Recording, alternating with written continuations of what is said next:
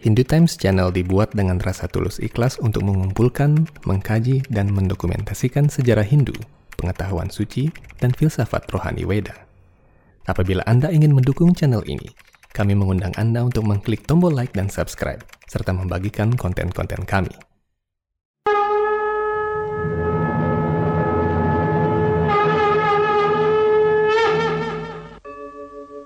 यदा यदा हि धर्मस्य ग्लानिर्भवति भारत अभ्युत्थानम् अधर्मस्य तदात्मानं सृजाम्यहम् परित्राणाय साधूनाम् विनाशाय च दुष्कृता धर्म संस्थापनार्थाय संभवामि युगे युगे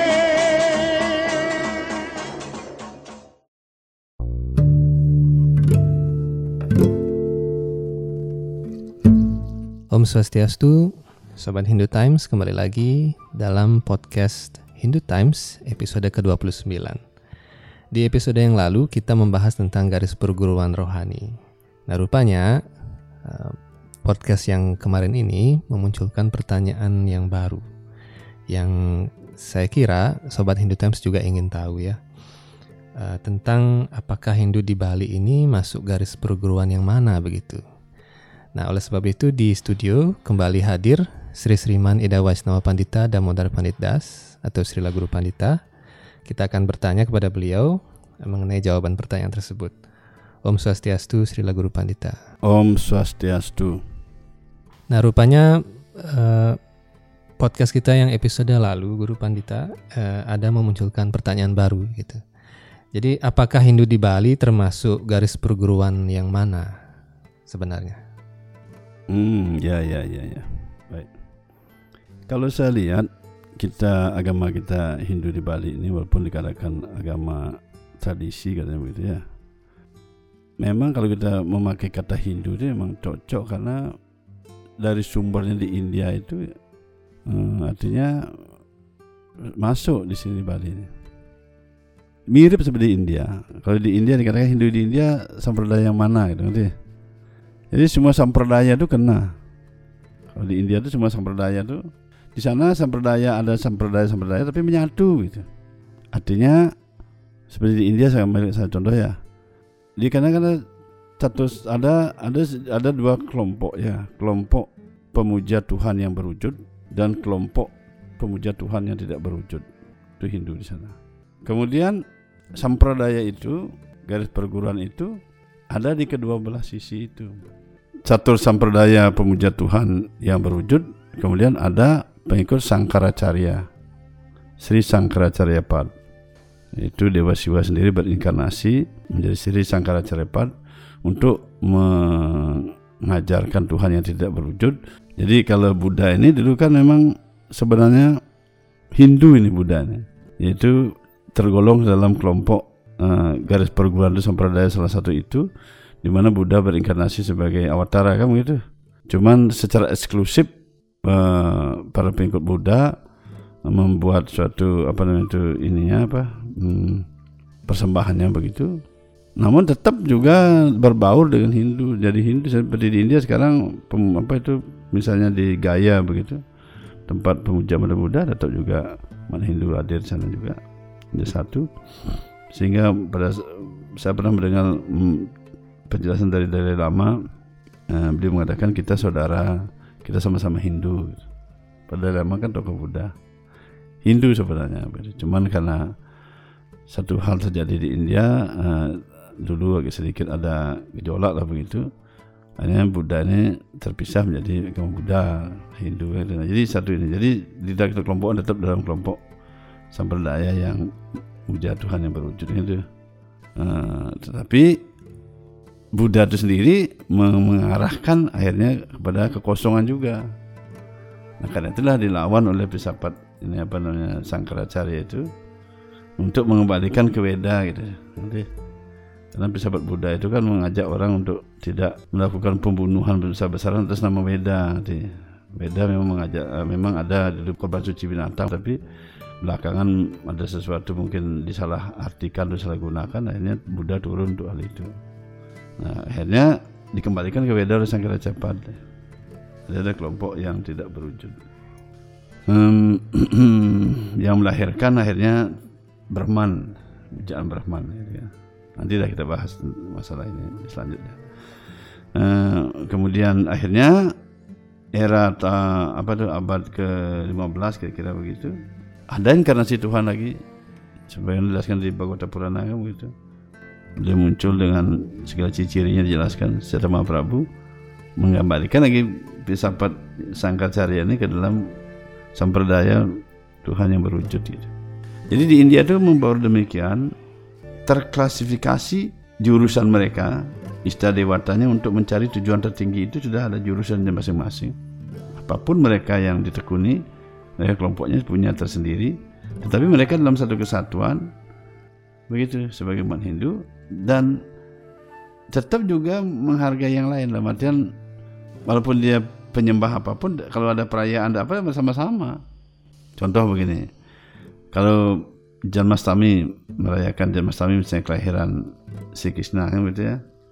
Itu biarpun dari kelompok pemuja Siwa juga sembahyang juga ke mandir. Sebaliknya juga gitu. Kalau Siwaratri biarin juga ikut begitu bersama-sama seperti Holi misalnya. Holi itu kan hari raya tersendiri misalnya khususnya sebenarnya untuk pemujaan kepada para para um, pengikut Wisnu itu misalnya kan? Eh, karena kita lihat dulu waktu lila Tuhan si Krishna beliau melakukan kegiatan bersama gopi-gopi itu kan. Tarian-tarian semua bercanda semua itu itu holy di kan? Jadi itu juga dilaksanakan seluruh umat Hindu di India walaupun mereka tidak pemuja langsung itu tapi mereka artinya penekunnya tidak langsung tapi mereka meyakini menghargai itu yang lain juga secara apa secara umum begitu. Nah sekarang kalau kita hubungkan di Bali ini yang mana? Jadi di Bali ini sebenarnya ada rembetan dari India di mana semua ajaran itu sudah ada di sini. Di Bali semua ajaran itu sudah masuk ke Indonesia dari awal sejarah. Cuma yang kalau secara penelitian saya yang saya temukan untuk pemujaan pengikut Sangkaracarya Pad ini yang menyatakan Brahman itu Tuhan yang tidak berwujud itu semenjak era abad ke-20-an ini ada beberapa tokoh-tokoh Bali yang ya mungkin pedalam di India bahasa India kemudian bawa ke Bali di, di apalah begitu zaman itu akhirnya ajaran ini masuk. Begitu. Dan eh, ada kelompok yang disebut dengan Sunyawadi itu. Dari Sangkaracarya menjadi Tuhan tidak berwujud. Ini belakangan. Sedangkan sebelumnya itu adalah kebanyakan mereka memuja Tuhan yang berwujud. Karena itu kalau kita lihat sekarang sampradaya itu ada catur sampradaya juga masuk. Hmm, kemudian tadi saktanya juga masuk. Kemudian uh, yang Sunyawadi tadi Muja Brahma juga masuk dan akhirnya hmm, di antara itu juga kemunculan Siwa Siddhanta tadi. Siwa Siddhanta ini sebenarnya pengembangan dari dari sampradaya salah satu apa mungkin istilahnya itu Siwa sampradaya nah itu ya. Ruda sana bagaimana Siwa mengajarkan tentang filsafat ketuhanan berkembanglah di India Selatan bawa ke Bali namun kalau kita lihat sekarang filsafatnya atau maksudnya praktiknya itu ya belum sih juga sama sekali dengan di India karena Siwa Siddhanta itu adalah mereka juga tidak mempersembahkan daging. Nah, tapi kalau di sini secara ini masih berlaku seperti itu di, di masyarakat, maksudnya secara apa? Secara umum di masyarakat masih berlaku. Tapi kalau secara kita ada mendetail cari ke di kependetaan, mungkin pendeta sudah tidak memikirkan itu lagi. Tapi itu di masyarakat masih berkembang Eh, dari apa sek, sakta dari kelompok sakta sebenarnya kalau di India itu kelompok sakta yang persembahkan daging itu Sempuja Durga gitu setahun sekali ada persembahan kambing gitu kan ada pemuja Ganesha, ada pemuja Murugan, Dewa Murugan, Kartikeya. Itu banyak kalau di India Selatan tuh sangat ramai itu. Nah kalau kita kan yang tahunya lebih banyaknya hanya Siwa dan Durga gitu kan. Sehingga ada juga kelompok itu kemudian menyangkut Bhairawa juga begitu kan. Itu ada juga aliran seperti itu ke Indonesia. Gitu. Nah sekarang kalau lihat sekarang di secara umum kita lihat praktiknya kita di Bali ini sudah ada disebut kita pura pusah desa dalam itu pura pusah pura pusah Bali Agung itu pusah desa dalam ada pusah itu adalah Wisnu desa itu Brahma dalam itu Siwa itu terjadi adanya tempat pemujaan itu Trimurti itu adalah sejak Empu Kuturan. Kalau kita lihat dari sejarah yang kita pernah dengar itu sejak Empu Kuturan nah, beliau menata itu supaya apa namanya itu umat Hindu lebih memahami dan lebih menjurus pada ajaran yang dia tentukan istadewatanya segala macam. Dan lain sebagainya begitu. Dan menurut penelitian kita lihat bahwa sebenarnya Empu Kuturan tidak mencampur itu. Sampradaya yang sudah ada menurun dari zaman lampau itu tidak dicampur oleh beliau. Tetapi ditata. Dia tidak mencampur aduk. Karena kalau mencampur aduk itu berarti tidak benar karena memang dari sananya memang sudah tertata begitu. Dari turun Tuhan menurunkan dengan catur sampradaya itu Tuhan sudah menurunkan catur sampradaya masing-masing sudah ada. Garis perguruannya begitu. Di sini pun Empu Kuturan tidak melakukan tidak mencampur di sana. Karena beliau sendiri bona fide sebagai seorang guru pada saat itu atau acarya beliau tahu paham betul. Karena beliau tidak mencampur aduk. Buktinya kita lihat sekarang pura pusa desa dalam. Kan dipisahkan itu. Nah mengapa kita sering lihat bahwa pusah desa itu adalah sering ditempatkan di satu tempat? Sedangkan dalam terpisah. Dalam terpisah kalau lihat dari sejarah Bhagavata Purana bahwa Dewa Brahma senantiasa berhubungan dengan Sri Wisnu sendiri dalam garis perguruan Brahma Sampradaya itu adalah ada satu kesatuan antara Brahma dan Wisnu selalu bersama-sama. Nah karena itu kalau kita lihat di Bali pusat pusat dan desa itu di satu tempat bahkan disatukan apa satu benar-benar satu tempat begitu. Nah itu saya lihat itu rupanya dari dari Brahma Sampradaya itu perkembangan dari Brahma Sampradaya. Jadi ajaran Brahma Sampradaya tidak hilang juga. Jadi mereka tetap dalam pemujaan istadewatanya tidak terganggu. Mereka ingin kusuk semua untuk mengikuti Brahma Sampradaya tidak terganggu. Berarti pusat desa itu udah nyambung sana. Makanya kalau di kalau doa biasanya di pura pusat desa kan memuja Sri Wisnu-nya, kemudian ada Brahmanya juga dipuja di sana kan. Dua Brahma disebutkan juga di sana. Dan kalau di dalam biasanya mantranya tidak disebutkan Brahmanya. Demikian. Nah kemudian kalau di pura dalam itu rupanya juga dari Rudra Sampradaya itu. Jadi bagaimana Dewa Siwa memberikan ajaran di sana dan ditemani oleh Durga Dewi sehingga menyatu saktanya juga di sana.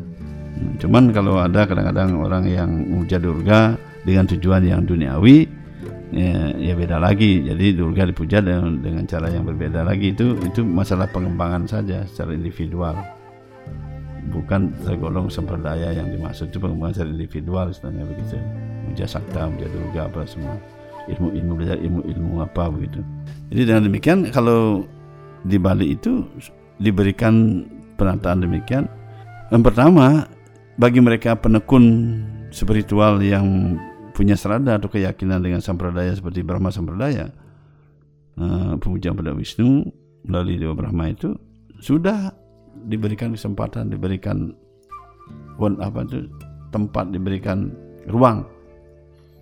Bagi penekun sekarang mengikuti pemuja Tuhan melalui Dewa Siwa sudah diberikan ruang juga dan juga kepada saktanya juga diberikan. Itu. Sehingga di dalam itu pasti konotasinya Siwa dan Durga di sana kan begitu. Namun pada saat sama untuk menjaga kerukunan semua seperti di India lah juga mirip begitu. Ada kerukunan di antara umat Hindu. Secara umum mereka pun datang bisa datang ke tempat sembahyang tadi. Mereka semua penanggung jawab bersama-sama dan mereka bisa bersembahyang eh, ke dari pemuja sampradaya misalnya pengikut sampradaya di Brahma sampradaya bisa juga eh, sembahyang ke Siwa sebalik juga begitu kalau dia penekun pengikut Rudra sampradaya masuk juga ke ini. Eh, sembahyang juga ke pura pusat desa dalam tidak ada masalah. Secara umum mereka tetap berikan karena sastranya demikian. Di sastra itu kalaupun kita memuja Wisnu misalnya begitu melalui Brahma Sampradaya Siwa juga harus tetap dihormati dimuliakan. Sebaliknya juga begitu sama.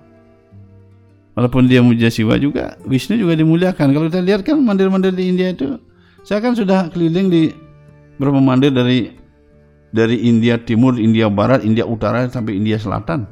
Saya melihat ada pemujaan tempat Wisnu. Siwanya pasti ada nanti ada mandiri siwanya di di antara itu. Kemudian saya juga tempat ke siwa seperti eh, mandiri siwa di India Selatan banyak. Ada tempat pemujaannya Wisnu sana. Puja Krishna juga ada di sana. Mandirnya ada di dalam itu. Begitu. Nah, artinya tetap ada penghargaan harus itu kan itu kan satu kesatuan. Beliau itu kan secara nilai apa filsafat ketuhanannya maksudnya begitu teologinya begitu kan. Itu kan dalam satu kesatuan cuman sekarang penjurusannya harus kita pahami jalan jurusannya dan sehingga kita tidak saling tidak saling menghina tidak saling ini. Karena itu kalau saling seperti terjadi kan salah berarti kita memahami ajaran ketuhanan. Itu satu kesatuan gitu sehingga kalau misalnya kita di Bali kita mau mengikuti menekuni sekarang untuk mencapai tujuan tertinggi dengan menempuh jalan sampradaya misalnya Brahma sampradaya pusatkan kita meditasi pada pusat di dalam tidak ada masalah silahkan mereka lakukan. Namun pada sama juga dia boleh datang ke itu ke tempat rudra begitu per dalam datang dia eh, sana. Sebaliknya begitu bagi yang penuh tapi yang umum juga mereka semua sama juga bisa mereka lakukan demikian. Jadi demikian sudah ada tinggal kita yang harus memahami semuanya. Yang baik. Dari pandangan yang saya teliti demikian dari sastra saya teliti saya sekian. Jadi seperti itu saya memahami. Setelah saya mencocokkan kan itu dan membaca buku lagi itu semua. Setelah sembahyang juga kita sembahyang di di, di pura pusat juga kita lihat begitu. Oh ada doa pada Brahma dan seperti ini. Sedangkan kalau dari sastranya dari kita dari Bhagavata Purana Brahma sampradayanya ini rupanya jalan mendominasi kalau ke ke dalam ya siwa sampradayanya begitu Nah di India seperti itulah mirip. Jadi sebenarnya di Bali ini sebenarnya Pukuturan menata ini adalah pengembangan dari India sebenarnya. Nah itu. Cuman sekarang di Bali ini secara tradisi ada ada sedikit pergeseran uh, budaya begitu tapi secara mendasarnya sebenarnya tidak berbeda. Sama dengan beli mobil atau motor, kita motor aslinya ini dimodif lagi sedikit begitu. Ya sehingga dia kelihatan berbeda sedikit. Padahal kalau cari rangkanya intinya ya nggak beda. Kalau kita paham maka kita tekuni pelajari. Jadi pada saat sama kalau penekun spiritual sekarang ingin eh, samperdaya tentu kan dia akan mencapai tujuan itu dengan cara seperti itu. Namun dengan sama juga menghormati. Dia juga pergi sembahyang ke tempat yang lain begitu sehingga ada satu kesatuan ke, keharmonisan pada sama dia tetap bisa berjalan secara individual secara umum juga tetap ada berjalan sehingga ada satu keharmonisan satu dengan lain.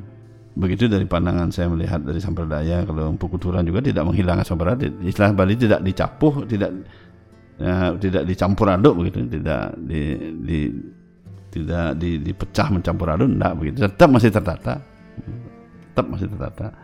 Di India misalnya begini, kalau misalnya sekarang muja semua ada, mereka sembahyang ke tempat-tempat itu. Mau dan kemudian kalau tempat siwa nanti ada Wisnunya tapi kecilan mandirnya. Yang kalau sekarang muja Wisnu mandir siwanya dikecilin gitu. Tetap ada semua. Semua di, di ini karena beliau kan satu kesatuan bagian dari teologi beda kan itu yang harus kita pahami bersama. Memang harus kalau jalan hidup memang harus eh, sangat hati-hati dan teliti mempelajari supaya kita paham supaya kita tidak salah mengerti memahami gitu jalur tujuan mencapai moksartam jagat itu Dharma juga tetap jalan secara umum bersama-sama juga kita berjalan nah, kita serasi rukun ada satu satuan dan umat Hindu bersama kan begitu Sedangkan budaya misalnya sebagai kemasan itu ada masalah. Misalnya kita mau pakaian, kayak makanan, yang begitu kan. Yang begitu tidak ada masalah pakaian apa. Yang mana kan di Weda tidak mengatur. Yang penting jangan tidak sopan saja berpakaian. Berpakaian sopan dalam artian misalnya sekarang memakai kita di Bali pakaian Bali ya masalah. Misalnya tidak ada anak sastra menyalahkan. Kemudian di India pakaian India salah. Jadi tidak tidak diatur lah seperti itu. Demikian juga kita penataan persembahan dengan ada cara bunga-bunga, dengan penataan berdiri Bali ada Banten itu ada masalah juga. Ya, demikian. Iya, Guru Pandita. Kemudian apakah semua jenis Hindu itu mempertahankan eksistensi Weda? Iya. Semua Hindu itu kan mempertahankan Hindu yang mana coba saya bilang tuh. Pasti dia mempertahankan eksistensi, eksistensi Weda. Cuma eh, kadang-kadang yang dalam level mana dia bisa mempertahankan. Tapi intinya asalnya dari Weda. Kalau dia memang sudah menjurus ke Hindu lah, yang mana misalnya eh, anggaplah eh, di tempat-tempat lain selain Bali lah, di apalagi di India kan begitu misalnya selain di Bali. Apalagi sekarang kan sudah ada parisade para menagaman sudah memberikan apa namanya itu arahan-arahan dan juga nilai-nilai filsafatnya sudah diatur kan lebih ini. Jadi kalau Hindu itu semua ah, dia mempertahankan Weda. Karena itu permasalahan sekarang hanya selepel mana mereka mempertahankan sesuai dengan kondisi mereka yang mereka terima selama ini. Karena era belakangan ini setelah anggaplah Hindu ini di Indonesia mengalami secara kuantitas mengalami kemerosotan dan lain sebagainya tidak perlu kita sebutkan.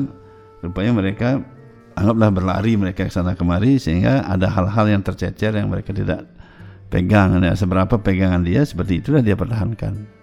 Contoh aja di Kalimantan, ketika saya di Kalimantan bertemu dengan suku Dayak itu, mereka masih mempelajari Ramayana. Mereka bercerita masih tentang Ramayana, Mahabharata di rumah-rumah mereka. Dan mereka juga sebut ada Batara begitu kan. Dan ketika saya pernah melihat satu lembaran kain yang memang disakralkan, itu ternyata di kain itu ada lukisan-lukisan Ramayana di sana gitu. Asli lagi itu gambar-gambar dari India. Dan dari zaman dulu sekali. Mereka masih bertahan. Jadi Hindu ya memang dasarnya Weda ya yang mana pun pasti tetap masih mempertahankan eksistensi Weda. Cuman sekarang permasalahannya seberapa tingkat mereka mempertahankan.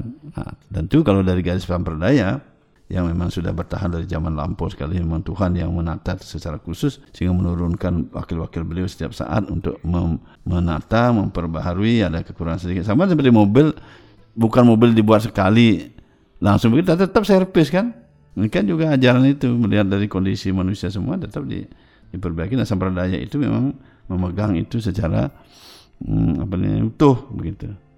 Tetap dijaga agar kesempurnaannya kesuciannya kebenarannya keaslian daripada maknanya itu tetap berjalan. Jadi intinya kan maknanya itu yang dipegang dan mempertahankan juga wedanya itu. Demikian.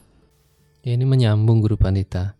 Uh, kalau kita di Bali ini kan ada banyak sekali pura begitu. Di setiap desa ada pura begitu.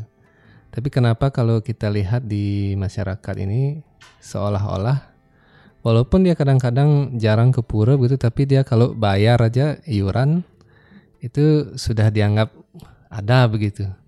Uh, padahal kalau di sisi lain kalau dia rajin, rajin sembahyang begitu tapi tidak pernah bayar begitu dianggap tidak ada orangnya begitu. Bagaimana menurut Guru Pandita terhadap uh, fenomena ini? Ya, itu kalau dari segi pandangan beda saya bisa tarik ya. Tapi kalau dari segi pandangan tradisi ataupun adat begitu nanti Hindu Time kan bisa langsung bertanya kepada setempat maksudnya kepada bendesa adat misalnya atau klien adat apa siapa yang berwenang di desa-desa itu kan masing-masing desa kadang ada beda-beda sedikit kan nah, jadi mereka lebih tahu persisnya semua dari pandangan kejadian yang sebenarnya begitu kan. Tapi kalau kita sekarang mana kan dari segi bedanya begitu. Jadi begini sebenarnya, kalau uang itu mereka sekarang misalnya sama seperti kita kuliah. Anggaplah kita kuliah di, di Universitas A ya. Coba sekarang mahasiswa itu rajin dia ke kampus tapi tidak pernah bayar SPP. Bisa nggak dia ikut ujian? Hah? Kuliah terus dia sampai 75 persen, 100 persen kuliah, tidak pernah bayar SPP. Bisa nggak dia ikut ujian? Itu jawaban yang tepat itu nanti.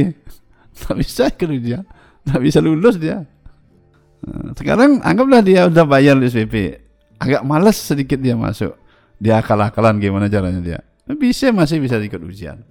Itu tidak bisa ditolak itu. Siapa mau disalahkan tidak bisa. Bah kampus sana tidak bisa. Dosen sana tidak bisa. Mengatur. Itu secara fakta lu saya lihat ya. Itu contoh seperbandingannya.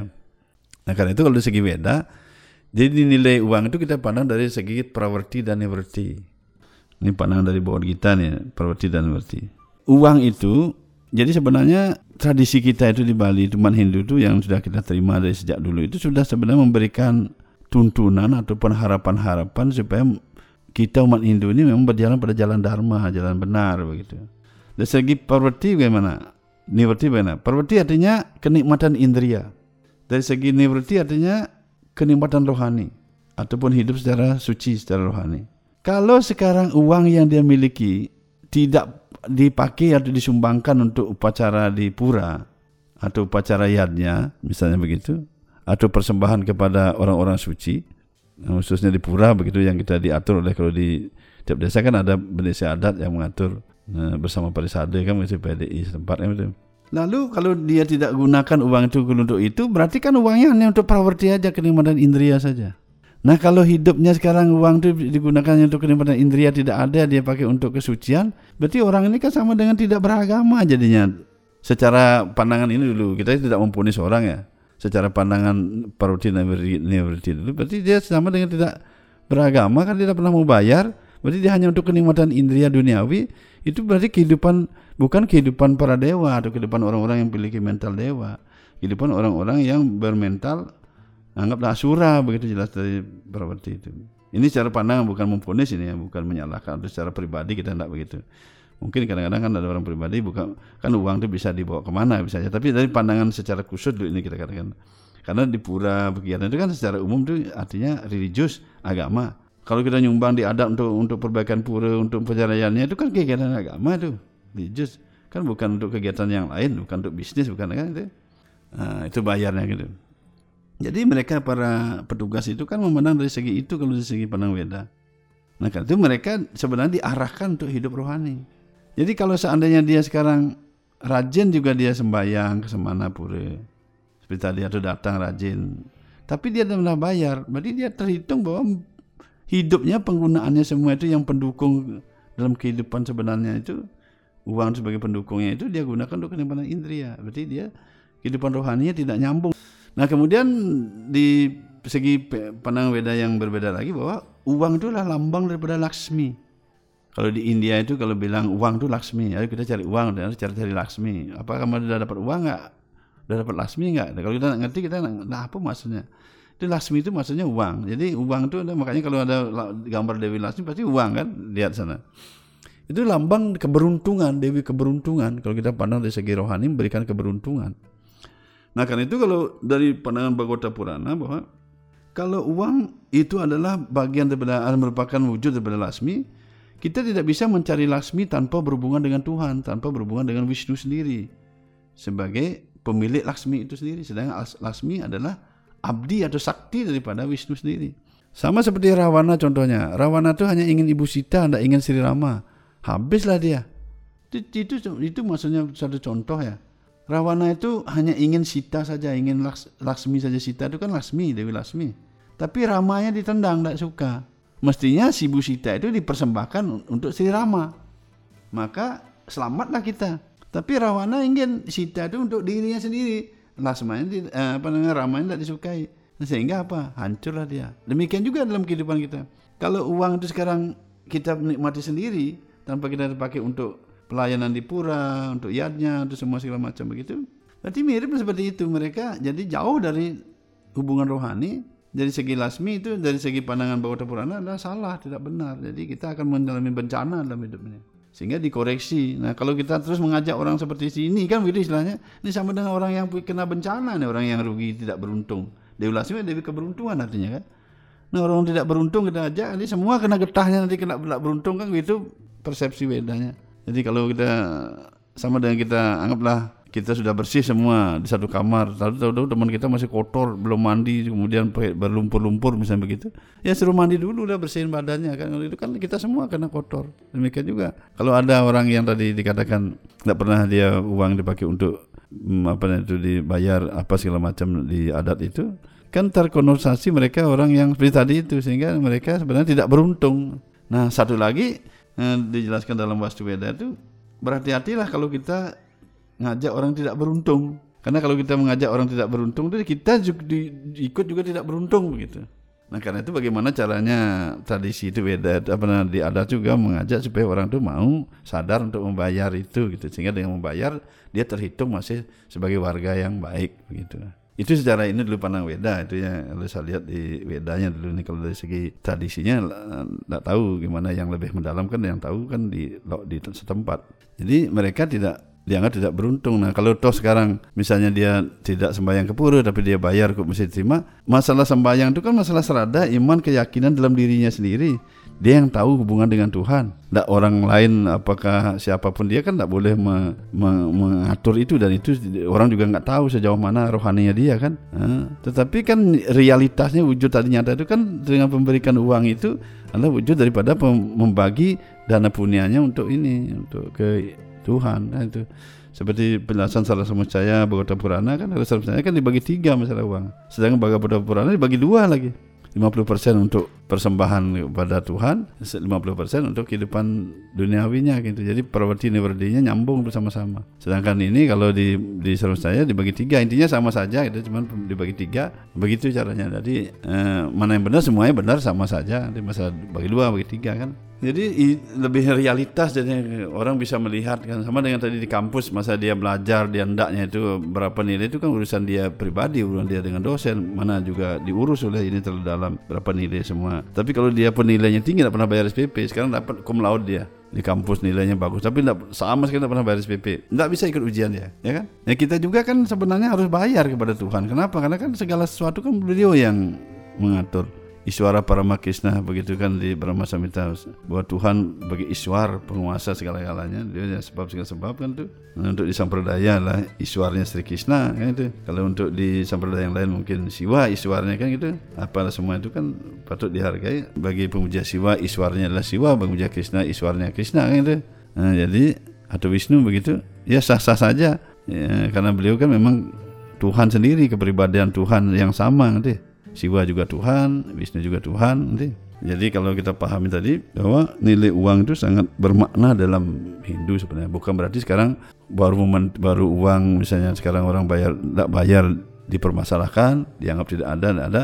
Itu berarti pengurus desanya atau pendesanya oh, rakus atau mungkin sifatnya duniawi atau mental duniawi dan segala macam begitu.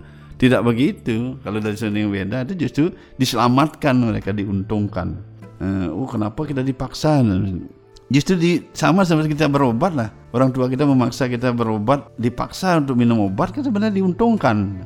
Coba kalau tidak dipaksa begitu kita pasti sukanya untuk menikmati habisin uang itu untuk ya apalah suka-suka jalan-jalan menikmati semua. Bahkan dipakai main judi dipakai mabuk dipakai mencari perempuan dan sebagainya. Nah sekarang kalau kita ada tadi wajib begitu kan kita berpikir untuk menyisihkan. Nah sedangkan kalau kita lihat penyisihannya juga tidak full kalau kita lihat dari kitab suci 50% 30% itu kan tidak full begitu kan? Hanya berapa begitu. Nah demikian uh, kalau dari segi pandangan beda ya saya lihat dari pandangan beda uh, maksudnya begitu. Jadi jangan sampai salah berpikir bahwa itu suatu kok uang dipakai patokan. Memang sebenarnya patokan keberuntungannya itu di sana. Itu uang itu sangat penting sekali menempatkan uang bagaimana di rumah apa segala macam itu uang itu harus tidak boleh diblecek-blecekkan betul uang itu dirapiin tempatnya dan lain sebagainya dihormati dihargai bukan memuja uang tapi itu si simbol lambang dari Dewi Lasmi. Dewi Lasmi adalah kekuatan daripada Tuhan sendiri. Nah karena itu gunakanlah uang itu untuk melayani beliau Tuhan sendiri siapa pun istilah dewatanya kan itu ya di Hindu kan begitu ada istilah dewata misalnya apa Wisnu, Siwa kan ada sebagainya, Pak Brahman semua begitu. Jadi digunakan untuk itu gitu maksudnya. Kalau bisa sebanyak banyaknya lagi. 100% lagi kalau bisa kan itu sebenarnya tapi kan secara nyata sih karena kan tidak bisa 100% tetapi walaupun tidak 100% tetap pada jalan koridor yang benar gitu nah kadang-kadang kan kita gunakan dua hal yang lain tadi saya disisihkan untuk main judi disisihkan untuk minum-minuman bahkan disisihkan untuk cari istri simpenan misalnya begitu kan dan sebagainya uang itu akan ke sana. Itulah di- disalahkan. Nah, kalau sekarang ada arahan untuk ini menuju yang apa lebih bagus ke jalan rohani kan bagus jadinya. Nah kalau seandainya hmm, tadi di desa ada pendekatan begitu ya, kalau dari segi pandangan rohaninya adalah maksudnya untuk diselamatkan. Jika tidak melakukan seperti itu berarti dia menantang jalan selamatan itu. Mereka ingin hidup duniawi saja. Berarti kalau anda beragama kan tidak seperti itu semestinya kan begitu. Jadi salah satu kewajiban juga dalam kehidupan kita. Nah tentu ada kebijakan-kebijakan bagaimana kalau mungkin dia tidak punya bagaimana kan begitu. Itu sudah pasti diatur lah. Demikian. Eh, Baik Guru Pandita, terima kasih atas eh, perkenan Guru Pandita untuk hadir dalam podcast episode 29 ini. Eh, semoga Guru Pandita bisa memberikan jawaban-jawaban dalam eh, episode-episode podcast mendatang. Dan untuk eh, Sobat Hindu Times, eh, di sini podcast kita kita akhiri dulu dan eh, kita akan lanjutkan di episode 30 eh, satu minggu lagi. Kita akhiri dalam dengan para masanti. Om Santi Santi Santi Om.